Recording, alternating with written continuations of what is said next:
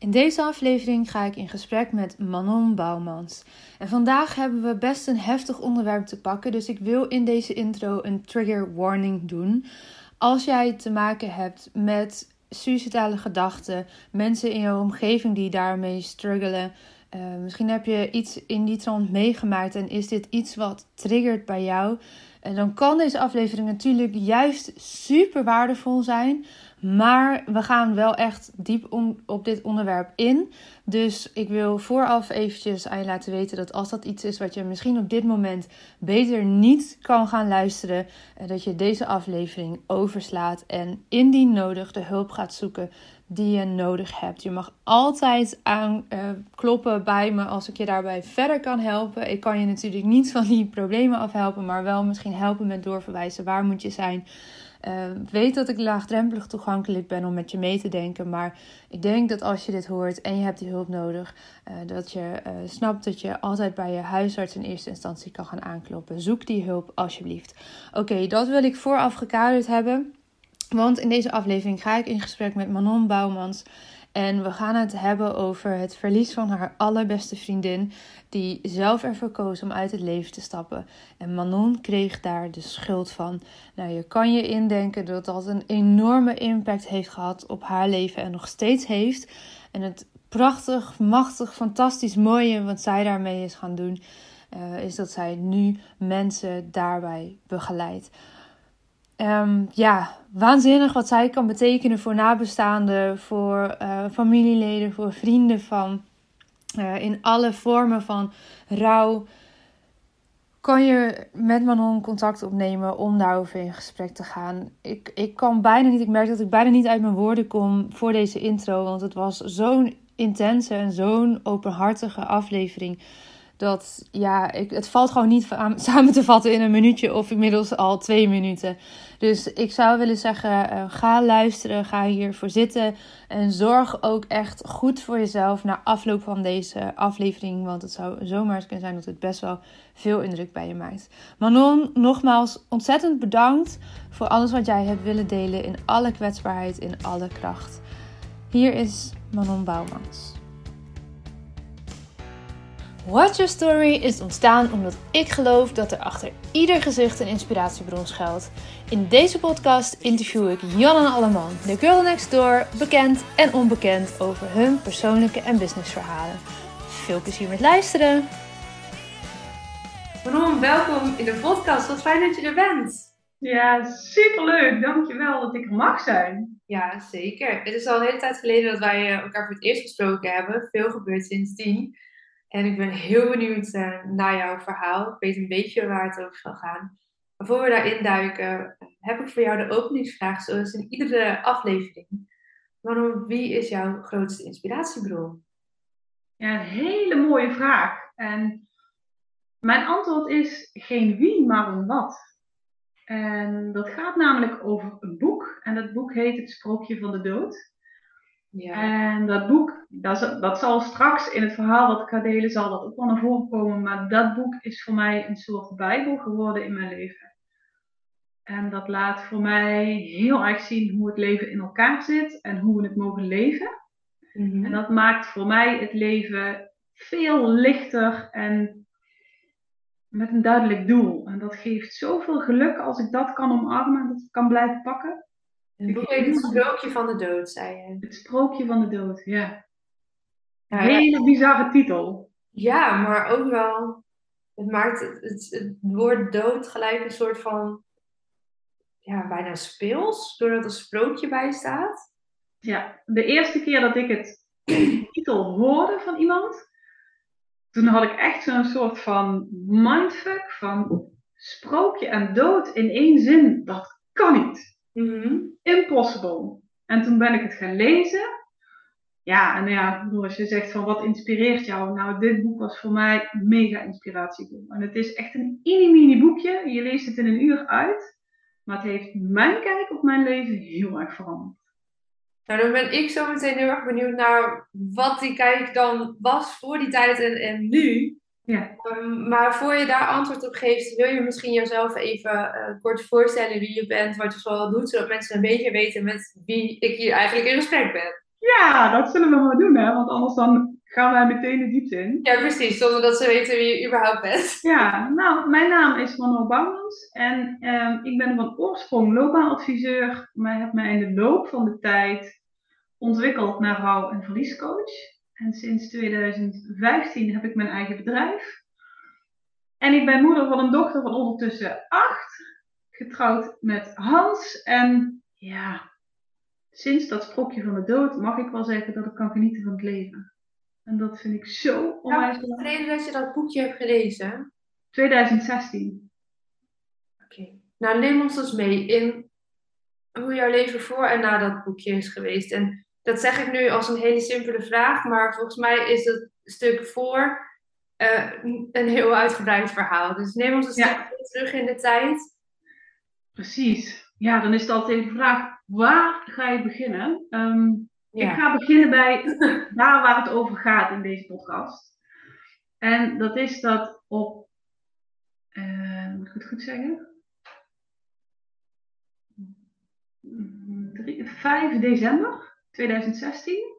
Weet je, toen zat ik, eh, het was een zondagavond en ik zat heerlijk de film te kijken, eh, Nothing Hill. Je- waarschijnlijk de meeste mensen die dit luisteren, die kennen hem wel. Dus wanneer is het zo zien allemaal, ja, precies. lekker chill. En ik, kan, ik zie het nog zo gebeuren. Een kwartier, hij was een kwartier bezig en ik kreeg een appje binnen van de man van mijn beste vriendin. En in die app stond: Hi Menor, ik heb heel slecht nieuws. Vera is dood. In een appje kreeg je dat te horen. Ja. Ja. En voor de mensen die dat niet weten, jij weet het wel. Vera was mijn beste vriendin. Wij kenden elkaar sinds 2006, denk ik. Dus dat was toen tien jaar. We Ja. elkaar leren kennen in een opleiding neurolinguistisch programmeren, kort gezegd NLP. En was meteen dikke mik. Meteen. En ik kreeg dat berichtje via de app. En je kunt je voorstellen, die film heeft sindsdien een hele andere lading.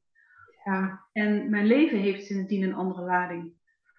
En nou ja, het was een beetje zo'n bericht per app krijgen. Ik had echt zoiets van, wat is dit? Wat gebeurt me hier? Wat, Het als een slechte grap. Ja, ja. Ik kan me ook nog herinneren dat ik echt heel hard geschreeuwd heb. Want mijn man die was ergens anders in de woonkamer. En ik weet nog dat ik schreeuw, schreeuwde, nee! Want ik had echt zoiets van, hè? En ik heb het mijn man laten lezen en we hebben meteen de telefoon gepakt om hem, hem te bellen. Dus de man van eh, mijn beste vriendin. En in eerste instantie kreeg ik hem niet te pakken, maar ik had echt zoiets van, wat is hier gebeurd? Ik, ik snap het niet, hè? Vertel! En ik denk dat we het een uur geprobeerd hebben en toen kreeg ik, ehm, kreeg ik hem te pakken. En eh, toen kwam in eerste instantie het verhaal dat ehm, ze opgenomen was in het ziekenhuis en dat er een medicatiefout had opgetreden, waardoor ze overleden was. En dat was dat ik dacht, hè, hoezo? En ik voelde aan alles, er zit een heel verhaal onder of voor. Maar dat kwam niet echt naar voren. En dat, eh, ja, dus ik heb het op dat moment met die informatie moeten doen. Ik heb wel gevraagd, kan ik langskomen? Mag ik afscheid nemen? En op alles was het antwoord, nee, dat mag niet. En dat kan niet. Onder het mom van, ze is donor, dus je kunt haar niet meer zien. Want ze is nu beschikbaar gesteld voor. Oké. Wist ik veel. Ja, dat zou ik ook niet weten eerlijk gezegd. Hoe dat Nee. zo zit. Dus het was voor mij, ja, binnen een half uur stortte mijn wereld in. Dat ik echt iets had, weet je, mijn beste vriendin. Weet je, je bent op een leeftijd, ik was toen, het is ondertussen zes jaar geleden, dus ik was eh, 36. Het is gebruikelijk dat opa's en oma's en tantes sterven. En ooms, weet je, die, die, dat is oké. maar dat je eigen leeftijdscategorie iemand sterft, dat was echt bizar. Dus dat eh, gaf bij mij ook echt zoiets van, nou wat gebeurt hier en wat is dit en hoe zit het in elkaar? En nou ja, het lastige was dat ik daar dus geen antwoord op kreeg. Nee, want oké, ik kan me nog voorstellen, hè, zo- zo'n dag en dat hij mensen op de hoogte moet brengen. Nou ja, via een app kun je van alles vinden, maar ik kan me ook ergens wel indenken dat je in een soort van overlevingsmodus zit. Hij is net zijn grote liefde verloren. Ehm, je moet superveel mensen op de hoogte brengen. Het is mega zwaar, denk ik, om iedereen te moeten bellen. Ik kan me helemaal nog wel bij voorstellen. Maar ik kan dan ook jouw behoefte heel goed begrijpen. Dat jij in ieder geval op een later moment zoiets had van... hey, wat is hier nou precies aan de hand? Wat is hier gebeurd? Vertel Ja. me alsjeblieft iets meer. Ja, nou ja, precies wat jij zegt. Het, ehm, op dat moment kon ik het niet zien, maar nu achteraf denk ik van hij heeft net zo goed in een of andere, ja, is in een of andere achtbaan geduwd waarin hij mee moest. Ja, en dan al die mensen op de hoogte brengen, dat is best pittig. Dus ik snap dat heel erg goed. Dus ik heb ook een dag later geprobeerd om een gezamenlijke vriendin te bellen. En die belde ik en die nam op en die zei, eh Menor, ik wil jou niet spreken, je moet eh, haar man maar bellen. En ik zeg, hoezo? Ik wil je niet spreken. Als je vragen hebt, dan moet je hem bellen. Huh? Ik hè? Ik denk, wat is dit? En nou ja, ik heb hem nog een paar keer geprobeerd te bellen. Dat is niet meer gelukt. Überhaupt niet meer, nooit meer. Nee, nee. Maar wacht even hoor, je je hebt mij een klein beetje vooraf verteld. Nee, neem ons mee, wat, wat gebeurde daar? Je, je hebt dus niet afscheid mogen nemen? Nee. Toen? Nee, En je kreeg niks te horen van mensen? nee ik kreeg alleen een ehm, bericht van ehm, haar overlijden. Dus ik kreeg een, kreeg een rouwkaart in de brievenbus met een uitnodiging voor de koffietafel. Ehm, en tuurlijk heb ik hem. Nee, wacht even. Ik heb hem wel nog gesproken. Want hij was degene die mij vertelde. En ik weet niet of dat diezelfde avond is geweest dat ik het hoorde. Of één of twee dagen later. Maar hij vertelde dat ze een week van tevoren al was opgenomen in het ziekenhuis. Ehm, en dat ze daar in coma gelegen heeft. En dat ze een week later is ze hersendood verklaard. En dat hebben ze jou allemaal in de tussentijd niet verteld? Zo van, hé, hey, misschien moeten we haar beste vriendin ook even inlichten. Eh, nee, nee. Ja, en dat was voor mij, weet je, ik, ik zie me nog zitten op die bank thuis. En dat ik dacht, fuck, ik ben haar beste vriendin. Tenminste, ik dacht dat ik Dacht dat was. jezelf in ieder geval. Want bleek dat dan niet zo te zijn? Of heb jij nu enig idee wat daar is gebeurd? Of weet je het tot op de dag van vandaag niet? Ik heb mijn eigen verhaal gemaakt. Op basis van het verhaal wat ik ken, wat vooraf gegaan is aan haar overlijden. Ehm, en ik ben uiteindelijk ook op zoek gegaan naar ehm, mediums. Omdat ik zoiets had van, weet je, ik, ehm, er is iemand die mij iets moet vertellen. Dus laat ik maar kijken of ik rechtstreeks contact met haar kan maken. Zodat ik antwoorden krijg. Want als ik geen antwoorden krijg, dan maakt het rouwproces heel, heel complex. Ja, ja. Ondertussen weet ik daar wel meer van door de rol die ik heb in het werk. Maar toen op dat moment, ja, het enige wat ik dacht van, maar waarom ben ik dan die hele week niet geïnformeerd? Waarom ben ik niet langs mogen komen? Ja, dat was echt gek. Ja, en dan ga je maar naar zo'n afscheid. Dus ik, ging, ik liep de kerk in en ja, het was een jonge griet. Ze was 37, dus die kerk zat Veel mensen zeker, ja. ja.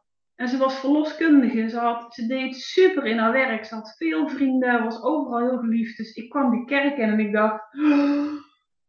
Ja, weet je, zo rechtsachter, als je dan net binnenkomt, daar stond haar kist met haar foto op. En dat was voor mij zo van... Oh, ze ligt er echt in. Ja, het is echt. En dan zit je in die mis en dan ja, worden haar beste vriendinnen naar voren geroepen om iets te zeggen. En dat ja, was echt alsof iemand met een dolk recht mijn hart instak, zeg maar.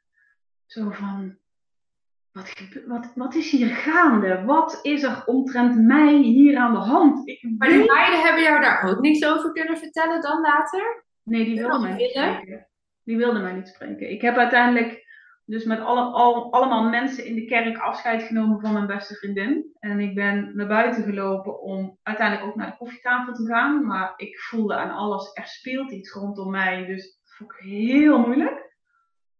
En ik ben toen die ruimte van die koffietafel ingelopen en je zag iedereen kijken naar mij. En het werd stil en toen was er geroezemoes en iedereen draaide zich weg of liep een stap bij mij vandaan. En dat ik echt dacht, Hè, maar, eh, maar heb jij, want het is natuurlijk een soort van bijna een cliffhanger in dit verhaal. Heb jij enig idee nu? Of, of blijven we met z'n allen een soort van met vraagtekens achter? Want dat is mijn idee is, en dan neem, ik, ja, dan neem ik je even mee terug, drie maanden van tevoren. Eh, maar nogmaals, het is echt mijn invulling, want er is niemand die mij ooit iets verteld heeft. drie maanden voordat zij ehm, overleden is, hebben, ehm, heb ik haar meegenomen voor een verrassingslunch. Ze zat niet lekker in de vel en ik heb er gewoon de dag van tevoren opgebeld. Ik kom morgen naar je toe. Ik zorg voor de lunch. Dan gaan we lekker ergens wandelen en picknicken en kunnen we lekker even kletsen. Dus dat hebben we gedaan. En dan werd heel duidelijk dat ze niet lekker in de vel zat. En toen zei ze ook van, oh man, ik heb echt hulp nodig. Maar ja, daar waar ik hulp heb, dat helpt me niet. Kun jij mij helpen? En ik heb haar daar gevraagd, zeg nou, met alle liefde, ik heb net mijn eigen bedrijf gestart. Ik doe dat met alle liefde, maar wat, wat krijg ik daarvoor terug? Ik bedoel, je vraagt wel echt een serieus ehm, persoonlijk probleem aan mij. Dus je legt echt een, een huge vraag neer van, nou, wil je mij helpen, want ik zie het niet zitten. Dus hoe wil je dat dan ook financieel, zeg maar, samen bekijken? En daar kreeg ik eigenlijk nooit antwoord op. Ik heb die vraag denk ik wel vijf keer gesteld, maar was zo van, weet ik niet. Ik zeg, nou, dan doe ik je gewoon een voorstel, dan mag je erop reageren. Ja, dus eigenlijk voor mijn begrip om die vriendschap en de professionele rol die jij dan ten opzichte van haar zou aannemen in de coaching, om dat gescheiden te houden. En hè, ja, wat best lastig is als je mensen goed kent. Ik denk dat alle ondernemers dat zich kunnen voorstellen. Als je iemand hebt werk natuurlijk ook wel samen met, met vrienden. En dan, ja, je moet dat gewoon. Het is een vraag waar je eigenlijk geen zin in hebt, maar je moet dat zwart op wit even goed afspreken, zodat dat gekaderd is. Dus, exact. Ja. Precies. En zeker ook omdat zij zei, jij bent de enige die door mijn masker heen prikt. Dus ik weet dat jij me kan helpen. Ja. Nou, ik doe het met liefde als ik degene ben die dat lukt. En dat had ik natuurlijk zelf ook in de gaten. Van, nou ja, dan doe ik dat graag voor je. En ja, uiteindelijk is zij en haar man zijn heel boos geworden, boos geworden op het financiële um, aanbod, zeg maar, wat ik deed. Mm En um, ik heb dat nog een keer naar beneden bijgesteld. Want dat, weet je, dat was de eerste offerte die ik überhaupt vanuit mijn eigen bedrijf de deur uit deed. En toen dacht ik, nou ja, weet je, het is een vriendin, dus laat ik hem dan naar beneden bijstellen. Maar ook dat was niet goed. En we hebben daarna nog enkele keren contact gehad over, ja, en nu? Ik zeg, ja, weet je, je vraagt een, een hele heftige vraag aan mij qua begeleiding. Ik doe dat met liefde, maar ik verwacht daar ook iets in van jou. En toen kwam daar naar voren dat ze het eigenlijk gewoon als vriendendienst verwacht had, maar dat nooit had uitgesproken. Ja. Want als ze dat van tevoren gezegd had, had ik kunnen zeggen, ja, maar dat werkt niet. Want als je dan, weet je, dan heb je het over iets, maar dan wil je mijn huis komen schoonmaken. Dan is die vraag gewoon heel simpel. Ja. Maar dit was echt een huge identiteitsding. Ja, daar, daar hoort geld tegenover te staan.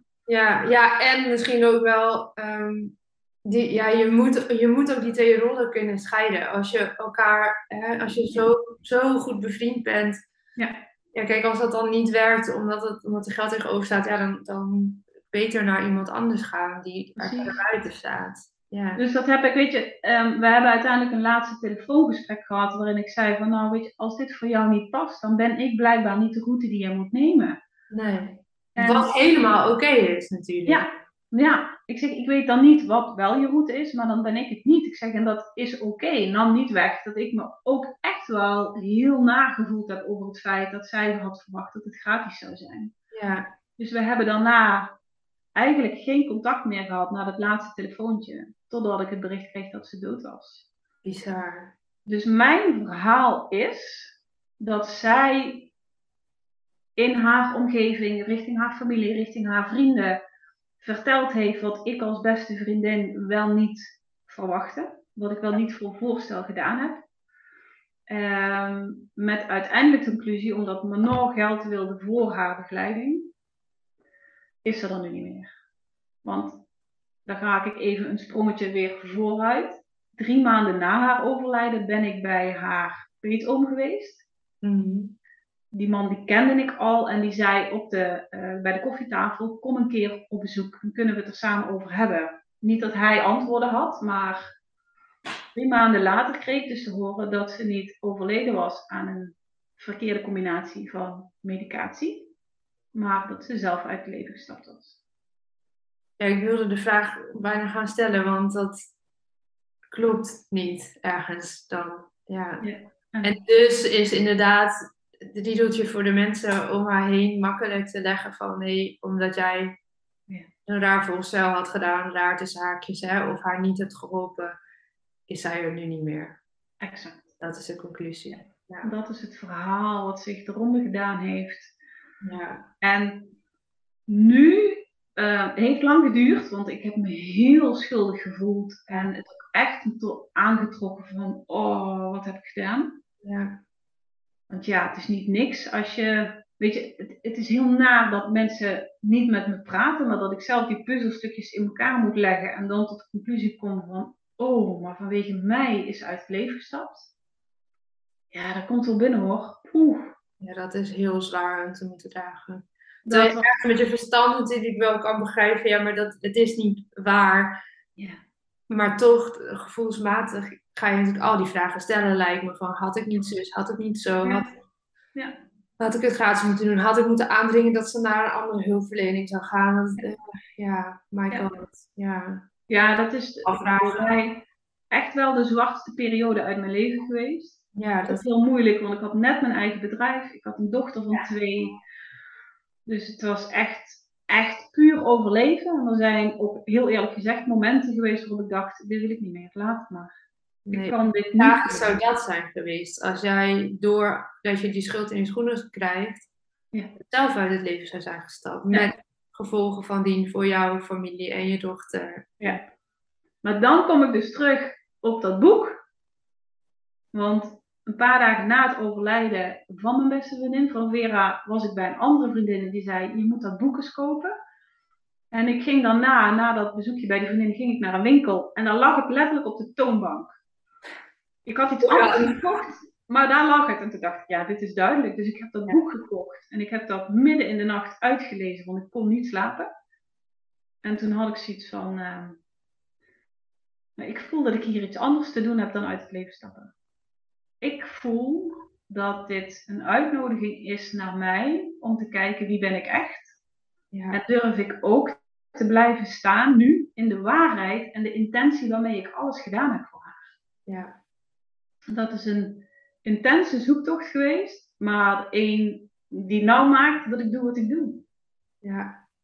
Ja, Ja, dat is wel heel bijzonder hoe je dat dan een richting eh, hebt weten te geven. En Ja. ja, eigenlijk zo ja, nu voor zoveel mensen kan zijn. Ja. Die, ja, en je kan echt, als je zegt, ja, ik begrijp je, of ik kan meegaan in je gedachten, dat, je kan dat echt zeggen, omdat you've been there. ja, Harder dan zwart. Ja, ja. En dat is, ehm, ja, dat boekje is voor mij als een soort van bijbel geworden. Ja. Waar gaat het boek ehm, globaal over? Wat is de boodschap die daarin staat? Ja, de boodschap is dat ehm, er twee delen zijn waar wij zeg maar leven. Je, hebt, je kunt zeggen je hebt een hemel en een aarde. Maar goed, of hemel het juiste woord voor mij is, weet ik niet. Maar dan snappen de mensen waar ik het over heb. Mhm. En dit boek zegt dat de hemel, dat is je thuis. En je komt op aarde omdat je nog iets te leren hebt in je persoonlijke ontwikkeling. Dus elke keer dat je op aarde komt, ga je met een doel naar de aarde. En eh, je blijft zo lang op de aarde totdat dat doel verwezenlijk is. En als dat klaar is, kom je weer terug in de hemel. En als je dan nog iets te leren hebt, dan ga je weer een nieuwe keer naar de aarde. En het mooie van die manier van kijken is dat alles wat in het leven op je pad komt, komt met een reden. En heeft een onderliggende boodschap voor jou. Terwijl ik elke keer ik voelde me elke keer enorm slachtoffer van alles wat er gebeurde. Weet je, ik heb in tien jaar tijd acht werkgevers versleten. Dan was ik elke keer de jongste die eruit moest, of ik paste niet in het team, of ik had een burn-out. Dus het was elke keer dat ik dacht. Totdat ik dat boek las en dat ik dacht van man, oké, er ligt dus een onderliggende boodschap hieronder. En wat als ik op die manier naar al mijn ervaringen kan kijken, wat wil het me dan zeggen? En dat maakte dat ik veel lichter kon kijken naar alles wat gebeurd was. En kon zeggen, ja, maar ik zie hier echt een gemene deler. En dit is wat ik te doen heb. Dus sinds ik dat boek gelezen heb, voelde ik zo'n soort van heel klein waakvlammetje. Ja, Wat niet gedoofd wilde worden, maar zei, je hebt uit deze schuldvraag, of schuld, ja, hoe noem je het? Het feit dat je de schuld krijgt, je hebt hier iets in te doen. Niet voor een ander, maar voor jezelf. jezelf. En daardoor kon ik de keuze maken en dus wil ik blijven leven. Ja. Halleluja, gelukkig maar. Anders dan eh, was de ellende eigenlijk en dan het verdriet Ja. ja, nog weer verdubbeld geweest. En, en Ja, ja. Met alle gevolgen van dien. Ja. Precies. Nou, en het fijne voor mij, ik ben uiteindelijk bij ehm, een medium geweest. Waar ik naartoe ging, omdat mijn vader overleden was. En ik zoiets had van, oh, ik wil even contact. Mhm. Maar toen stapte Vera, dus mijn beste vriendin, stapte naar voren. Zonder dat ik het in de gaten was. Want die dame heeft een heel gesprek met haar gehad. Zonder dat ik het wist. En toen heeft Vera aan haar verteld, als ik geweten had dat mijn verhaal zo'n impact heeft gehad op Manon, zou ik het nooit zo gedaan hebben. Hoe was dat voor jou om dat te horen? Zo van, volgens mij klopt mijn verhaal. Ja. Het was zo'n bevestiging van, ehm, en niks ten nadele van, haar, van Vera, maar, want ik geloof echt ook vanuit het sprookje van de dood dat dit haar pad heeft moeten zijn. En dat ik dus die offerte zou moeten sturen, zodat zij kon zeggen, maar dit, dit kan ik niet in mijn leven. Ehm, dus ik geloof erin dat ik die rol heb moeten hebben. Ja. ja, want hoe naar het ook klinkt, vaak is het wel zo dat als mensen echt, echt uit het leven willen stappen, eh, dan gaan ze dat doen. Ja. Hoe dan ook. Ook als jij het gratis had gegeven, ook als jij het door had verwezen, ook als je de tienvoudige bedrag op je offerte gegeven, als iemand echt, echt niet meer wil, Ja. dan kan je alle hulp van de wereld bieden, maar dan gaat iemand dat ja, doen. Dat, dat klinkt heel naar, maar Ja. en, en voor zover mijn kennis reikt, ik heb me daar en tot op zekere hoogte in verdiept, omdat dat natuurlijk thema's zijn die wij af en toe ook tegenkomen bij eh, mensen die nou ja, in de training van Paula en mij eh, ja, komen, ofwel zelf in het verleden of dierbaren. Maar ja, nogmaals, disclaimer, ik ben eh, eh, geen eh, psycholoog of psychiater, dus ik weet natuurlijk niet tot in detail hoe dat werkt, maar dit is wel in ieder geval wat ik daarover heb geleerd. En, ja, dat klinkt heel naar om te zeggen dat dat dan zo is of zo, alsof je niet zou kunnen helpen. Wat Ja. natuurlijk ook niet helemaal waar is, maar als iemand echt, echt eruit wil, dan, ja, dan gaat het gebeuren. Ja. Precies. Of als iemand echt te bang is voor het in de spiegel durven kijken. En ik denk dat dat ehm, bij Vera wel heel erg aan de orde was. Dat ze te bang was voor alles wat ze zou ontdekken. Want ze wist, als ik Manon, ja, als ik Manon toestemming geef om mij te begeleiden, Manon is in staat om alles naar boven te krijgen. En durf ik dat wel aan. Ja. Dat zegt ook altijd iedereen die hier bij mij is. Die zegt, ja, bij jou vertel ik dingen die vertel ik nergens. Ja. Wat natuurlijk het grootste compliment is wat je kan krijgen in jouw vak. Ja. Ja, Ja, en dat is, weet je, uiteindelijk ehm, heeft de situatie rondom Vera ertoe geleid dat ik nu sta voor wie ik ben, want dat was mijn uitdaging. Kan ik uit de, de gruwelijke afwijzing die ik gevoeld heb door de schuld te krijgen, kan ik daar uitblijven en mezelf nog steeds waardevol vinden in, de, de, in alles wat ik gedaan heb vanuit de beste intenties? En kan ik hier verder op bouwen? En weet je, mijn bedrijf is, heeft nu zijn vorm door de situatie met Vera. ja, Maar in mijn logo zit ook een heel klein veertje verwerkt, omdat zij aan de basis staat van wat ik doe. wat mooi. Wat liefdevol. Ja, en dat is ook zoals ik het wil zien. Weet je, ik kan.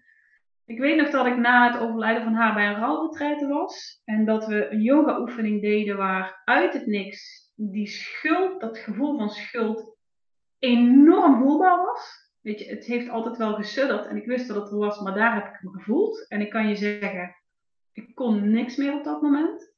Maar het was echt zo van alsof, je, alsof ik tegen een muur liep van, oh, maar dit is waar. En dat de coach toen tegen mij zei: Je mag je schuldig voelen, maar je bent het niet. En dat was zo'n eye-opener. Dat ik dacht: oh, Wat een wereld van verschil. Ja, Ik mag het voelen, maar ik ben het niet. Ja. ja, En dat, ja, dat was voor mij een heel groot cadeautje, want daardoor kon ik zeggen: van ja, nee, het is op een bepaalde manier haar keuze geweest. ja, En het klinkt heel gek, want ik, oh, het was de meest toffe vriendin die ik ooit gehad heb. En ik, ik vind het dapper dat ze het gedaan heeft. En het klinkt heel gek. Weet je, als ik dat tegen mensen zeg, dan hebben we vaak zoiets van, hè? Ja, want hoezeer moet je voor jezelf kiezen om dat te doen? Zeker als je twee jonge kinderen hebt van vier en zes. Als je een partner hebt, als je een baan hebt en je altijd voor anderen klaarstaat, want dat is wie ze was. Hoe dapper is het om op zo'n moment te zeggen, en nu kies ik voor mezelf. Ja, dat klinkt heel cru. Ik snap wat je zegt en ik kan je ook volgen daarin. Ja, ja het blijft iets waar je, als je goed in je vel zit, gewoon, ja, het, het, het valt niet in te denken of in te voelen dat je op zo'n punt nee. Eh, staat. Nee. Gelukkig ook maar, want het zou een hele depressieve wereld worden als dat wel zo was. Maar nou ja, en toch vind ik wel, hè, dit, dit verhaal wat je vertelt. Ehm, ik vind het zorgelijk als je kijkt naar de maatschappij hoe het nu is, dat het verhaal echt absoluut niet meer op zichzelf staat. En ik, ik mag dan vanuit een gelukkige positie spreken met jou nu, waarin ik dat gevoel niet ken. En ja, dat, dat, dat is iets wat ja, heel kostbaar is. Maar ook ik in mijn directe omgeving zie mensen met wie het minder goed gaat. En als je, je hoeft het nieuws maar aan te klikken. En laatst zag ik nog een bericht op de NOS dat ze onderzoek hadden gedaan onder jongeren. Dat één op de zes, één op de zes jongeren kan met suicidale gedachten. Ja.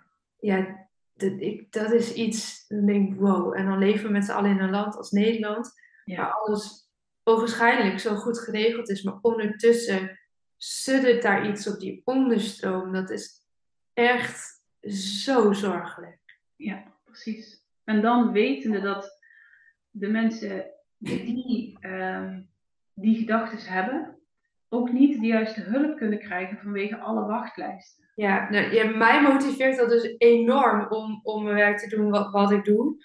Uh, ook al ben ik geen psycholoog, ook al ben ik geen psychiater, maar laten we in ieder geval dan deze verhalen, zoals nu met jou, Ja. Vindbaar maken. Zodat als iemand dit vindt, en als het er maar één die daardoor denkt: Oh ja, ik ga toch wel het aan en die hulp zoeken, dan is dit het gesprek het waard geweest om het te delen. Ja. Dit Ja, mooi dat je wat we wel kunnen bijdragen. Want ik, ik kan niet in de rol van psychiater stappen met een knip in mijn vingers. En dus ja, daar kan je niks voor tekenen, maar dit kunnen we wel doen. Precies. En dat, weet je, dat is ook echt, ehm, en dan haak ik hem even naar, naar mijn ondernemerschap, ook echt mijn missie. Om mensen bewust te maken van ehm, hoe je naar het leven mag kijken. Door anders te kijken naar alles wat je gebeurt. Want weet je, ook in Nederland, er zijn zoveel mensen die lijden en echt de meest verschrikkelijke verhalen te delen hebben. Daar is mijn verhaal niks bij.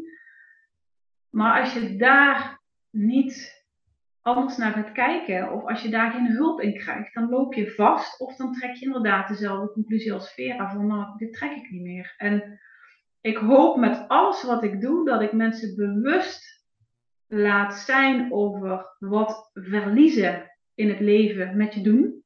Dus dan heb ik het niet alleen nog over de dood, maar ik heb het ook over als je een burn-out hebt, of als je je werk verliest, of um, als je je ouders op jonge leeftijd verliest, of een scheiding, of wat dan ook. Er zijn zoveel vormen van verlieservaringen waar we als maatschappij niet bij stilstaan dat daar rouw bij gepaard gaat. Ja.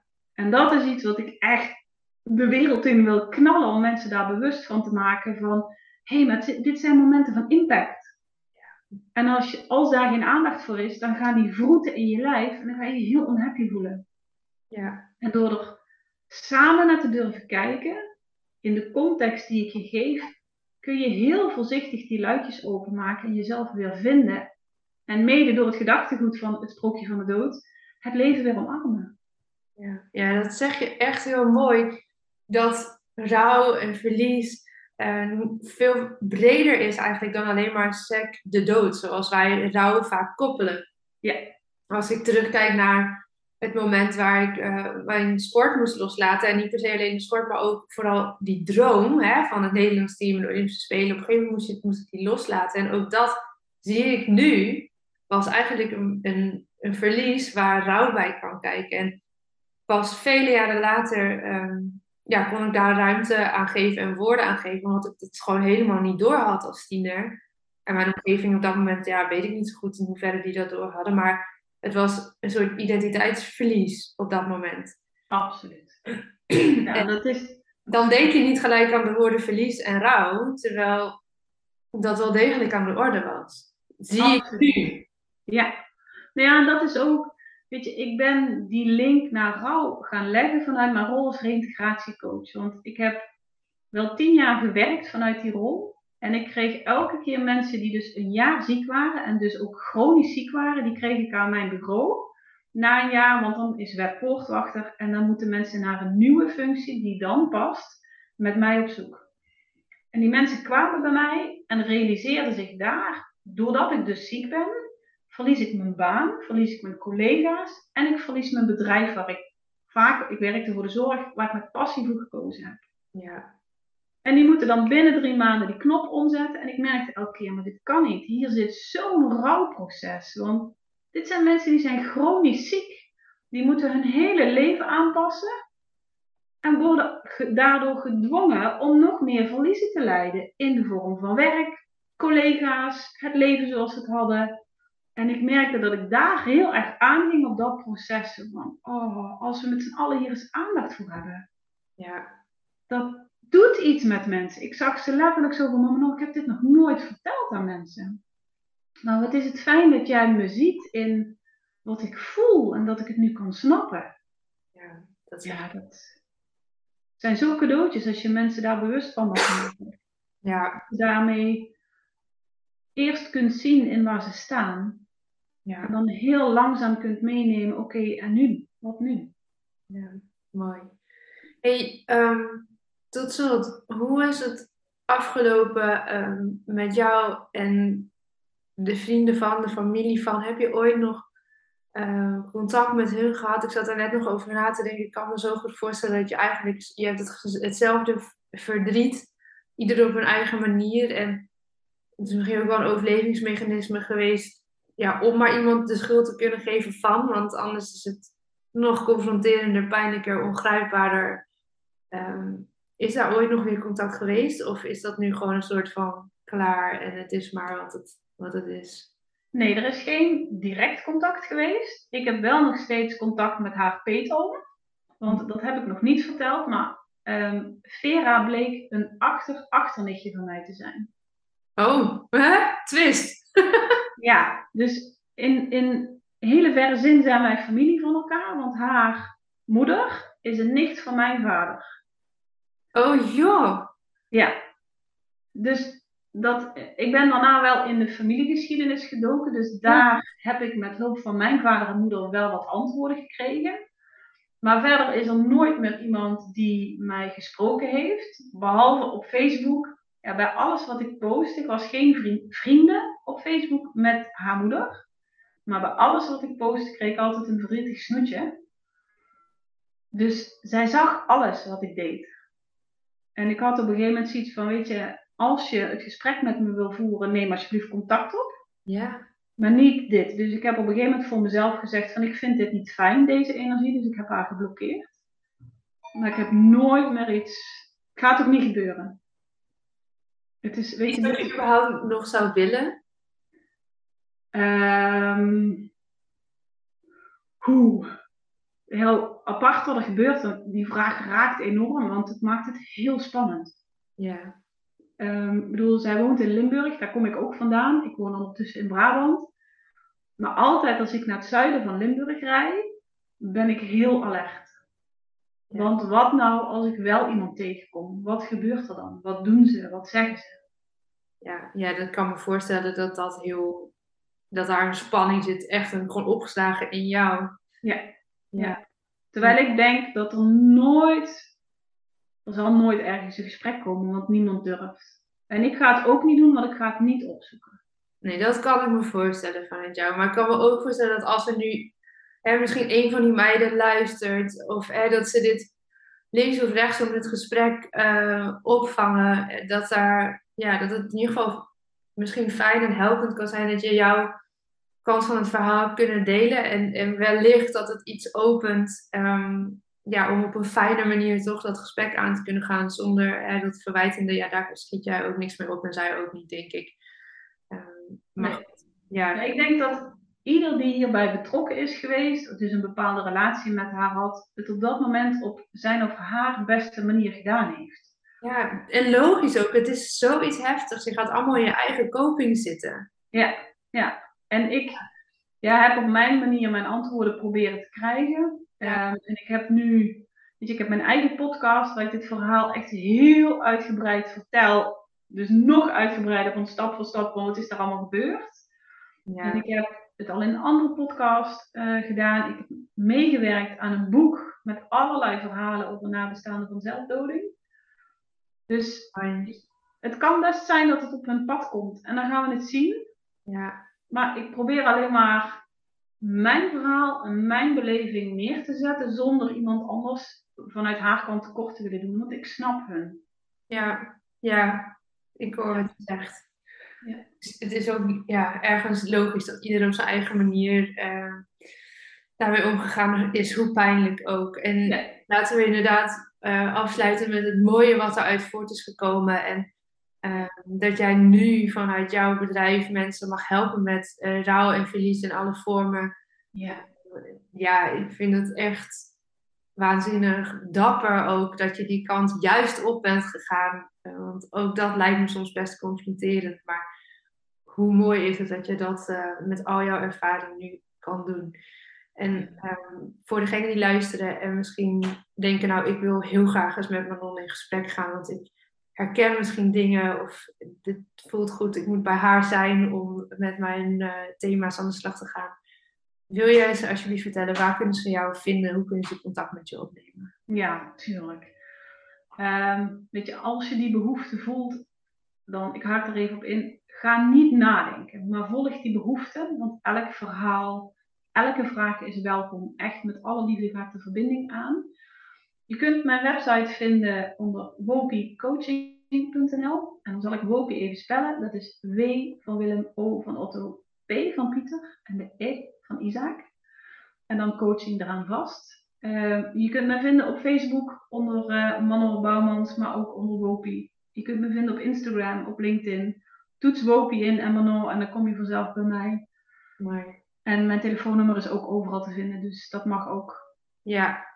Geweldig. Ik wil het ook echt eh, ondersteunen wat je zegt en aanmoedigen dat als je dingen herkent, als er vragen naar boven zijn gekomen naar aanleiding van deze podcast, blijf je niet alleen mee rondlopen. We hebben, we en vooral jij hebben best wel dingen verteld die eh, een trigger kunnen zijn. Nu ik dit hardop zeg, zal ik dat ook voor deze aflevering, ik ga het in de intro ook even noemen.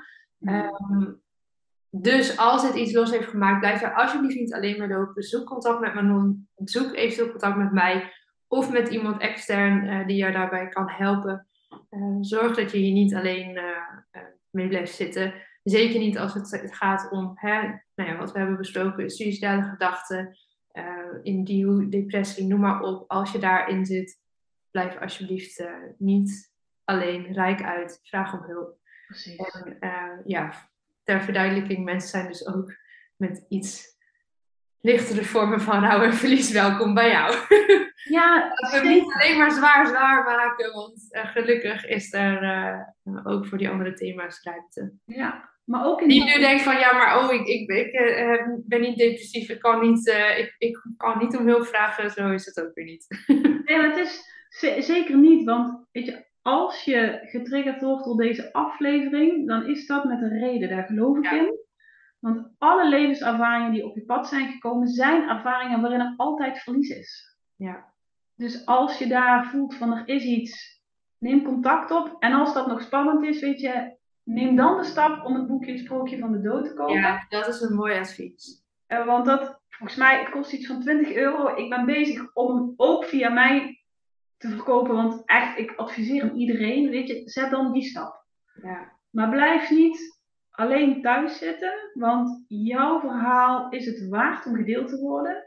En als jij voelt, oh, maar ik, heb, ik, ik wil niet uit het leven stappen. Maar ik wil er wel zijn, maar ik weet niet hoe. Ja, bedoel, je kunt ook naar je huisarts. Maar blijf niet alleen thuis zitten. Er zijn zoveel wegen. En ik denk heel graag met je mee.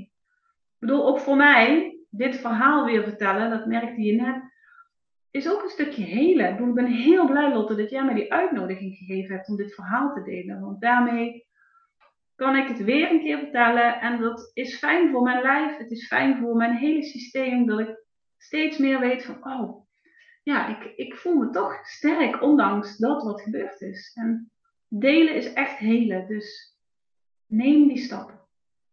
Daar sluiten we mee af. Dankjewel dat je te gast wilde zijn en dat je dit verhaal zo open en kwetsbaar met ons wilde delen. Heel graag gedaan. Jij bedankt. Dankjewel voor het luisteren naar deze aflevering van de Lotte Gerland podcast.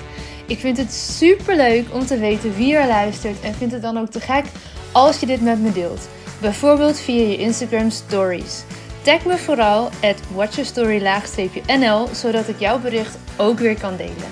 Samen bereiken we zo nog veel meer mensen en kunnen we dus ook met alle verhalen nog meer impact maken.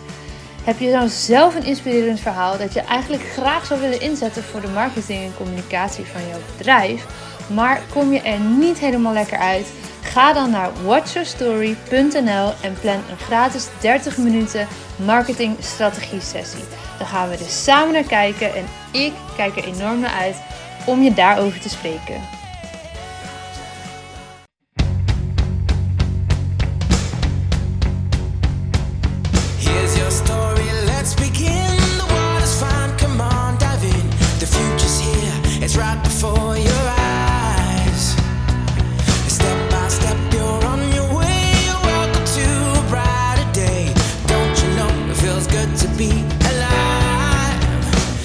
Could be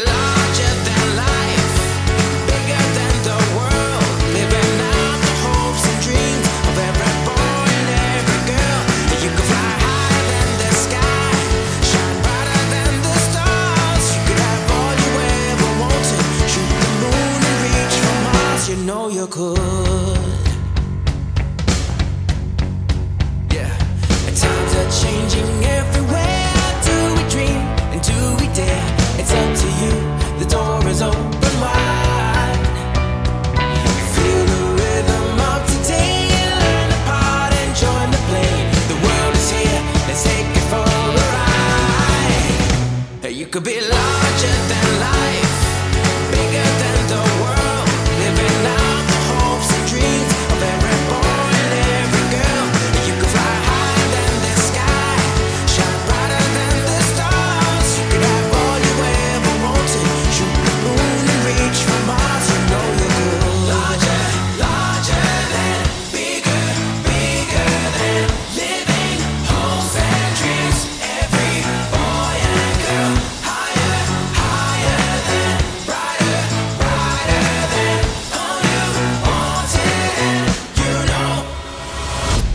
could be larger than life,